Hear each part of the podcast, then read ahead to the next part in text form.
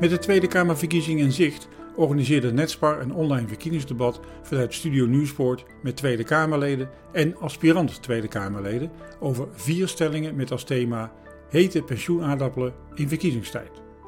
Het debat is te beluisteren in vier delen en stond onder leiding van Thomas van Zijl met Marieke Knoef en Bas Werker als factcheckers vanuit de wetenschap. Of het zo rustig blijft, dat gaan we zien uh, bij deze tweede stelling. Het gaat over pensioenfondsen die al jaren in zwaar weer zitten. Uh, veel eindloonregelingen zijn vervangen door middelloonregelingen. Pensioenpremies zijn flink gestegen. In de afgelopen jaren zijn pensioenkortingen regelmatig uitgesteld door regels te versoepelen. En daarom de volgende stelling. Pensioenfondsen die nu geld tekort komen, moeten de pensioenen ook nu verlagen. Wat vond men thuis? Laten we even kijken. Een meerderheid is het daarmee eens. Dat wil automatisch zeggen dat een minderheid zich er niet in kan vinden. En 4% weet het niet. Meneer Van der Linden, ik begin weer bij u. Wat zou u zeggen? Is dit dan het moment om te korten? Nee, dat doen we niet. Um, en uh, even volgens de huidige rekenregels komen ze natuurlijk nu geld tekort. Ja, dus, dus, dus, dus, als we het gedaan hadden, dan hadden we pensioenfondsen op termijn eh, nou, snel een procent of 10, 15 uh, moeten korten. Uh, en het is misschien toch wel goed om voor iedereen thuis om dat nog eens even duidelijk te zeggen. Um, ja, we hebben nu al allerlei maatregelen genomen om, om die onnodige kortingen te voorkomen. Ja. En wat doen we? We trekken die regels die we voor ogen hebben voor over een paar jaar zoveel mogelijk naar voren. Eh, om te, te, zorgen dat mensen nu niet onnodig op de wind komen. Ja, dat vind ik mooi, want het, het woord onnodig in combinatie met kortingen kom ik in verschillende partijprogramma's tegen, ook in het partijprogramma van de Partij van de Arbeid. Wanneer is een korting onnodig, want dat je het dan niet moet doen. Als het rechtvaardig is waarschijnlijk. ja. Kijk, de, de link, links en rechtvaardigheid en onnodig, het gaat allemaal samen. Want onnodig, dat komt van, uh, van, uh, van uh, GroenLinks en de Partij van de Arbeid. En dat hebben we gedaan rondom het pensioenakkoord. En dat komt eigenlijk vanuit de situatie is dat we hebben geconstateerd dat het huidige pensioenstelsel, dat werkt niet meer. Uh, dat heet het nominale stelsel. En dat is in, het is, aan de ene kant hebben we een prachtig pensioenstelsel met heel veel geld erin, maar we krijgen het geld niet naar de mensen. We hebben toch jarenlang geroepen dat het het beste stelsel is. Is ook. We komen ook in de lijst heel goed uit, maar het werkt niet, want de mensen uh, hebben niet meer het vertrouwen dat het geld op een goede manier naar hen zal toekomen of nu naar hen toe zou moeten komen. En we hebben een situatie dat we, uh, dus dat is één. Twee, we hebben een situatie dat gepensioneerden al tien jaar lang stilstaan, niet worden geïndexeerd. En dat betekent achteruitgang, want alles wordt duurder. Uh, en, en, en, het leven moet wel betaald worden. Uh, drie, we leven uh, met een coronacrisis waar, waar we ook zien dat alles in het leven onzeker is. En dat heeft eigenlijk al die drie die factoren. We gaan naar een nieuw stelsel. We hebben gepensioneerden en ook heel veel actieve deelnemers die weinig vertrouwen hebben meer in het huidige stelsel. En we hebben daarom besloten naar een ander stelsel te gaan. Dat we de met andere rekenregels waar we minder afhankelijk zijn van de rente. Is hard nodig en daarom is het verstandig. En het kan maar het dat is 2026. Als u zegt, ik ben hartstikke links, dan denk ik, u bent ongetwijfeld ook solidair. Uh, minister Koolmees heeft uh, in uh, het FD onlangs gezegd dat het nu uitstellen van kortingen toch neerkomt op een herverdeling van jong naar oud. Ja, is dat dan nog solidair? Kijk, er zit in, ons, in het huisstelsel van allerlei herverdelingen. Ook namelijk die van oud naar jong uh, van de afgelopen jaren met de lage rente. Dus die zou je ook kunnen noemen. Ik denk, en dat is in die zin een politieke afweging, is het generatie evenwichtig? Generatie evenwichtig is het omdat we weten dat we naar een nieuw stelsel stappen dat voor alle generaties beter zal uitwerken. En er zitten plussen en minnen. Maar ik weet zeker, er zitten minnen bij jongeren. Er zit ook een hele dikke min bij de ouderen. In die zin denk ik dat je een rechtvaardige afweging, dat we een rechtvaardige afweging maken door te zeggen, die onnodige kortingen voor de komende jaren gaan er niet komen. Martin Nijkamp, ik vraag het ook aan u. Ik denk dat ik uw antwoord zo ongeveer kan raden, maar pensioenfonds... Nou, zeg het dan maar. Nee hoor. Ik uh... denk dat u zegt dat die pensioenfonds op dit moment niet onverkort maar uh, tot kortingen zouden moeten overgaan. Uh, nou, afgezien van misschien een heel individueel pensioenfonds die in heel zwaar weer zit, is de algemene visie heel simpel totaal overbodig. Het is al even gezegd, uh, één, het stelsel zit natuurlijk in zijn huidige vorm vol met allerlei solidariteitseffecten die eigenlijk niemand snapt.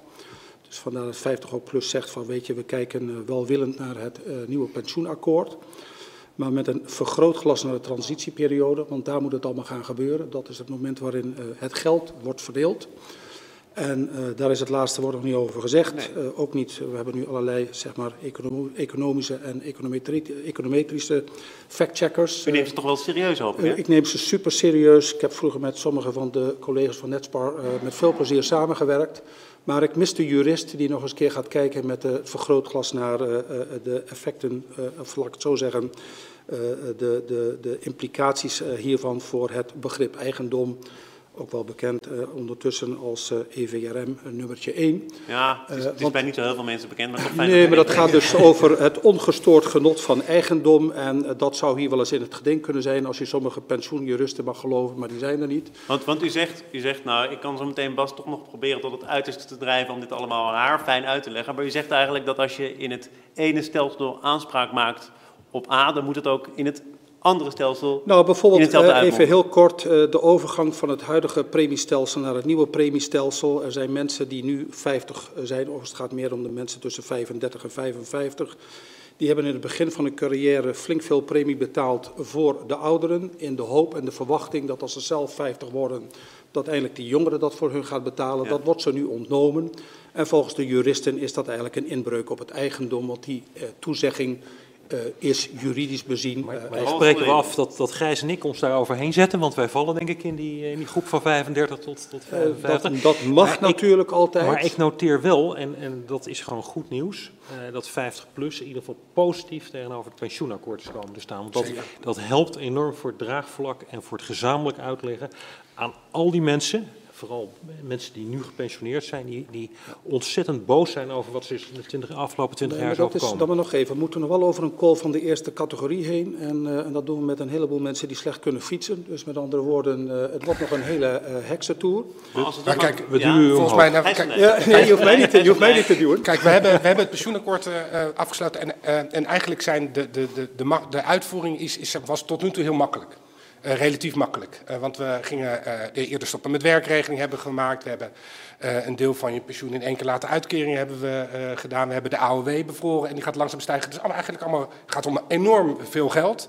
Maar dat is relatief makkelijk wetgeving. En nu, dit jaar, komt het erop aan. Want we krijgen nu, ik, ik heb de wet al, uh, al gelezen met het, uh, met het reces, met het kerstreces. Nou, die moet, daar moet je nog echt nog wel een paar keer overheen. En daar hebben wij heel veel deskundigheid bij nodig. Zowel juridische deskundigheid als wel vanuit de wetenschap. Om als politiek straks een evenwichtig, want daar gaat, komt het woord weer, evenwichtig besluit te, te nemen over het invaren van het, uh, van, Nou, van dat is enorme Maar pot ik geld dacht, we uit hebben het anderen. 22 Nee, maar minuten is- vermijden, maar invaren wil zeggen dat je van het ene naar het andere stelsel Ja. gaat. Ik wil toch nog even, want het zijn verkiezingen, hè. volgende week kunnen mensen stemmen, kijken naar wat er dan in de verkiezingsprogramma staat. Eh, dan kom ik bij 50 plus tegen, ik heb het allemaal netjes opgeschreven, dat er niet alleen sprake moet zijn van indexatie, maar een dertiende maand, herstelbetalingen. Eh, waar gaat u dat allemaal van Eh, betalen? De dertiende maand, dat is gewoon uh, uiteindelijk een verhoging van de AOW met 10%. Nou, die kom je ondertussen denk ik bij heel veel politieke partijen tegen. Bij ons is het dan aanvulling vakantiegeld plus achter, dertiende maand afgerond uh, 10%. Dus uh, ik denk wat wat dat betreft uh, ondertussen eigenlijk al een regeerakkoord hebben. Oké, okay, uw agenda is massaal gekopieerd. Die is, daar weet ik allemaal niet wie dat spontaan heeft opgeschreven of heeft gekopieerd. Dat is ook niet zo belangrijk als het maar gebeurt voor die, voor die AOW'er. De andere is gewoon heel simpel. Uh, wat ons betreft, de rekenrente zoals die momenteel wordt gehanteerd, is gewoon, uh, excusele mo, kolder. Uh, heel simpel, de premieheffing gebaseerd uh, op gedempte premieheffing, give or take 2,5 procent. Uh, de opbouw die je vervolgens in je pensioenfonds stopt, wordt direct verdisconteerd tegen 0 procent. Oftewel, de dekkingsgraad loopt automatisch terug. Kun je aan niemand uitleggen.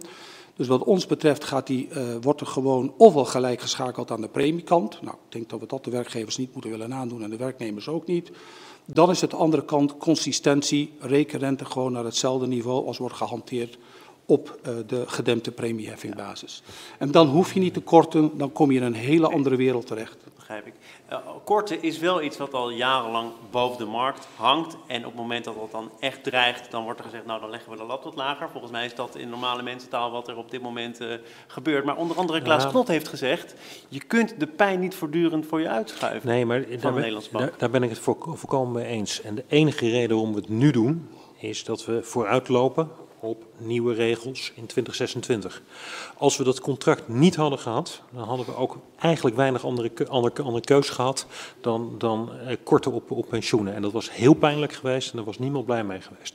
Maar het is natuurlijk waar, je kunt niet in aanloop naar een nieuw pensioenstelsel zeggen, nou dan gaan we toch nog wel even onverkort alle regels ja. uh, er doorheen jassen. Dus, dus u, u, zegt eigenlijk, je moet met de bril van het nieuwe stelsel kijken naar ja. het oude stelsel en in dat geval zijn kortingen niet nodig. Maar daar, zijn, er zitten nog wel een paar puzzels in, hè? want we hebben natuurlijk net de commissie Dijssel Die commissie parameters gehad, die, die, die, de nieuwe getallen voor de komende jaren. Het staat gewoon in de wet dat die commissie er moest uh, komen. Hoe ga je daar nou komende tijd mee om? Nou, dat is een van de puzzels die denk ik nu op tafel gaat liggen. Ja, want, uh, want die commissie die adviseert eigenlijk nog een stukje strenger. Hè?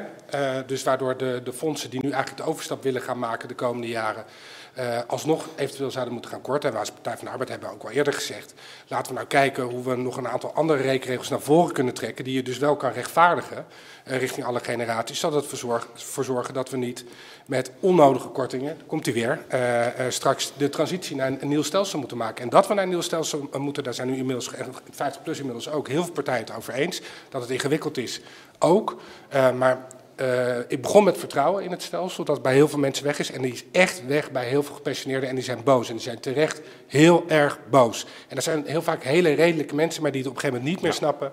Dat in dit huidige stelsel er zoveel geld uh, wordt gespaard. Dat ook heel veel, dat, dat, zeggen ook de regels, dat je heel veel moet oppotten. Dat is ook maar keurig volgens de regels, dat er ook een hele strenge rekenrente in zit.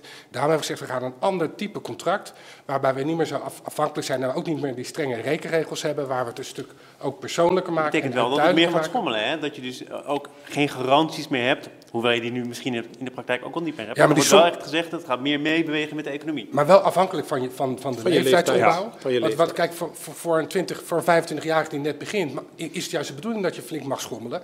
Want dan kan een fonds ook veel meer risico voor je nemen. Je wil niet in obligaties, op je 26e, maar je wil wel, als je richting de pensioendatum gaat, naar 45 jaar werken. Uh, dan wil je wel dat een pensioenfonds op een hele zekere manier geld, geld voor je gaat wegzetten, zodat jij niet te maken krijgt met, met, die, met die schommeling. en heel belangrijk. Overigens nog steeds een en, stukje betutteling. Hè? Maar even heel belangrijk, in het nieuwe stelsel gaan we de, de, de, de over, overrendementen die je hebt, die gaan we uitdelen aan de deelnemers. En dat is denk ik een deel van de frustratie van heel veel deelnemers nu. Ik zie al dat geld staan, het komt niet naar mij toe. Uh, wat is er aan de hand? Nou, over al dat geld dat er staat. Uh, ik sprak u even kort van tevoren, meneer Van der Linden. En u zei, ik, ik word voortdurend uh, verrast met allemaal rekensommen in mijn mail. Van mensen die ja, denken, ja, het kan toch ook nee, anders. Dat... Heeft u wel eens een rekensom ontvangen waarvan u dacht, ja, als ik het nou zo uitreken, dan komt het inderdaad uh, beter uit. Nee, ik, ik, zei voor de uitzending van, van, ik denk dat elke gepensioneerde wiskundeleraar in Nederland ons een, een epistel van vijf pagina's of meer heeft gestuurd met grafieken en, en, en, en, en berekeningen.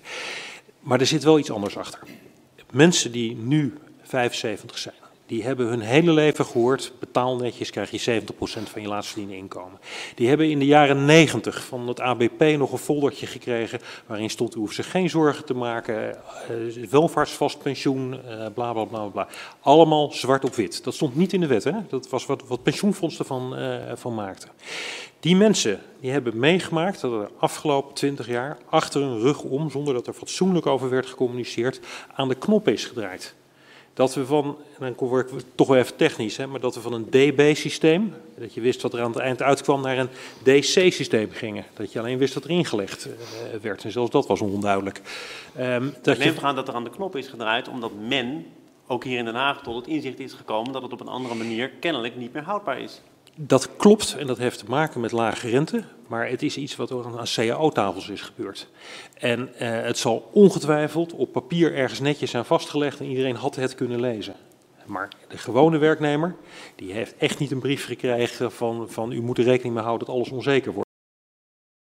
Van deze stelling van dit thema naar Bas Werker, de wetenschap. Geen jurist, toch jammer hoor. Nee, geen jurist, uh, wel econoom. Um, en wat je, ja, wat je hier ziet in ieder geval is dat die discussie altijd heel erg snel heel technisch wordt. Um, en ik denk dat dat ook een van de redenen is waarom er uh, vrij weinig vertrouwen is. Want er werd al gerefereerd aan internationale lijstjes, waar Nederland inderdaad altijd op plek 1 staat of op plek 2 staat. Uh, heel weinig armoede, relatief onder ouderen, veel gespaard voor ons pensioen. Uh, maar er zijn ook lijstjes waarin staat hoeveel vertrouwen mensen in hun eigen pensioenstelsel hebben. En dan staat Nederland altijd een stuk lager. Um, en dat is toch een, een rare tegenstrijdigheid. En ik denk wel dat hier ook weer blijkt dat al die regels die iedere keer weer ter discussie gesteld worden, dat helpt natuurlijk allemaal niet. Als ik het zo een beetje bekijk, zie ik best wel enige consensus over waar we met z'n allen naartoe moeten.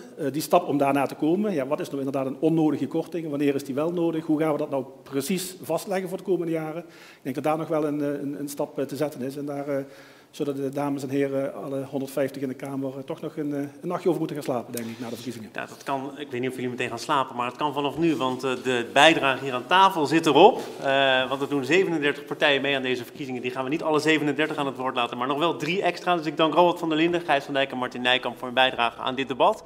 Bedankt voor het luisteren naar deze Netspar podcast van het online verkiezingsdebat op 10 maart jongsleden met als thema Hete pensioenaardappelen in verkiezingstijd. Beluister ook de andere delen van de podcast van dit debat. Kijk voor meer informatie over achterliggend onderzoek op www.netspar.nl.